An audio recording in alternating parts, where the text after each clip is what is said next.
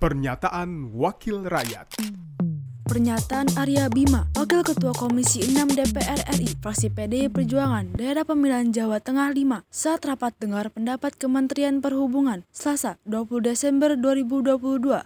Hal-hal apa keajegan-keajegan yang selalu terjadi dan kita harapkan dengan tambahan infrastruktur selama 10 tahun pemerintahan Jokowi ini, baik itu menyangkut infrastruktur telekomunikasi, kelistrikan, juga fasilitas transportasi darat, laut, udara, tentunya pelayanan publik terutama terkait dengan transportasi juga akan lebih memberikan kenyamanan, keselamatan bagi para penumpang khususnya di hari-hari yang terjadi peningkatan volume baik untuk angkutan orang maupun angkutan barang.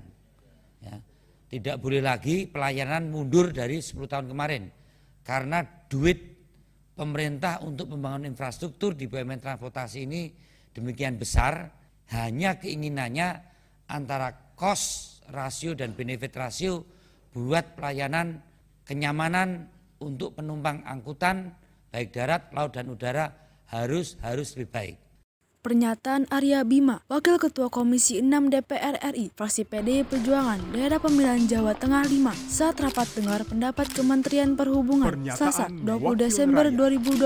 2022, Produksi TV dan Radio Parlemen, Biro Pemberitaan Parlemen, Sekjen DPR RI.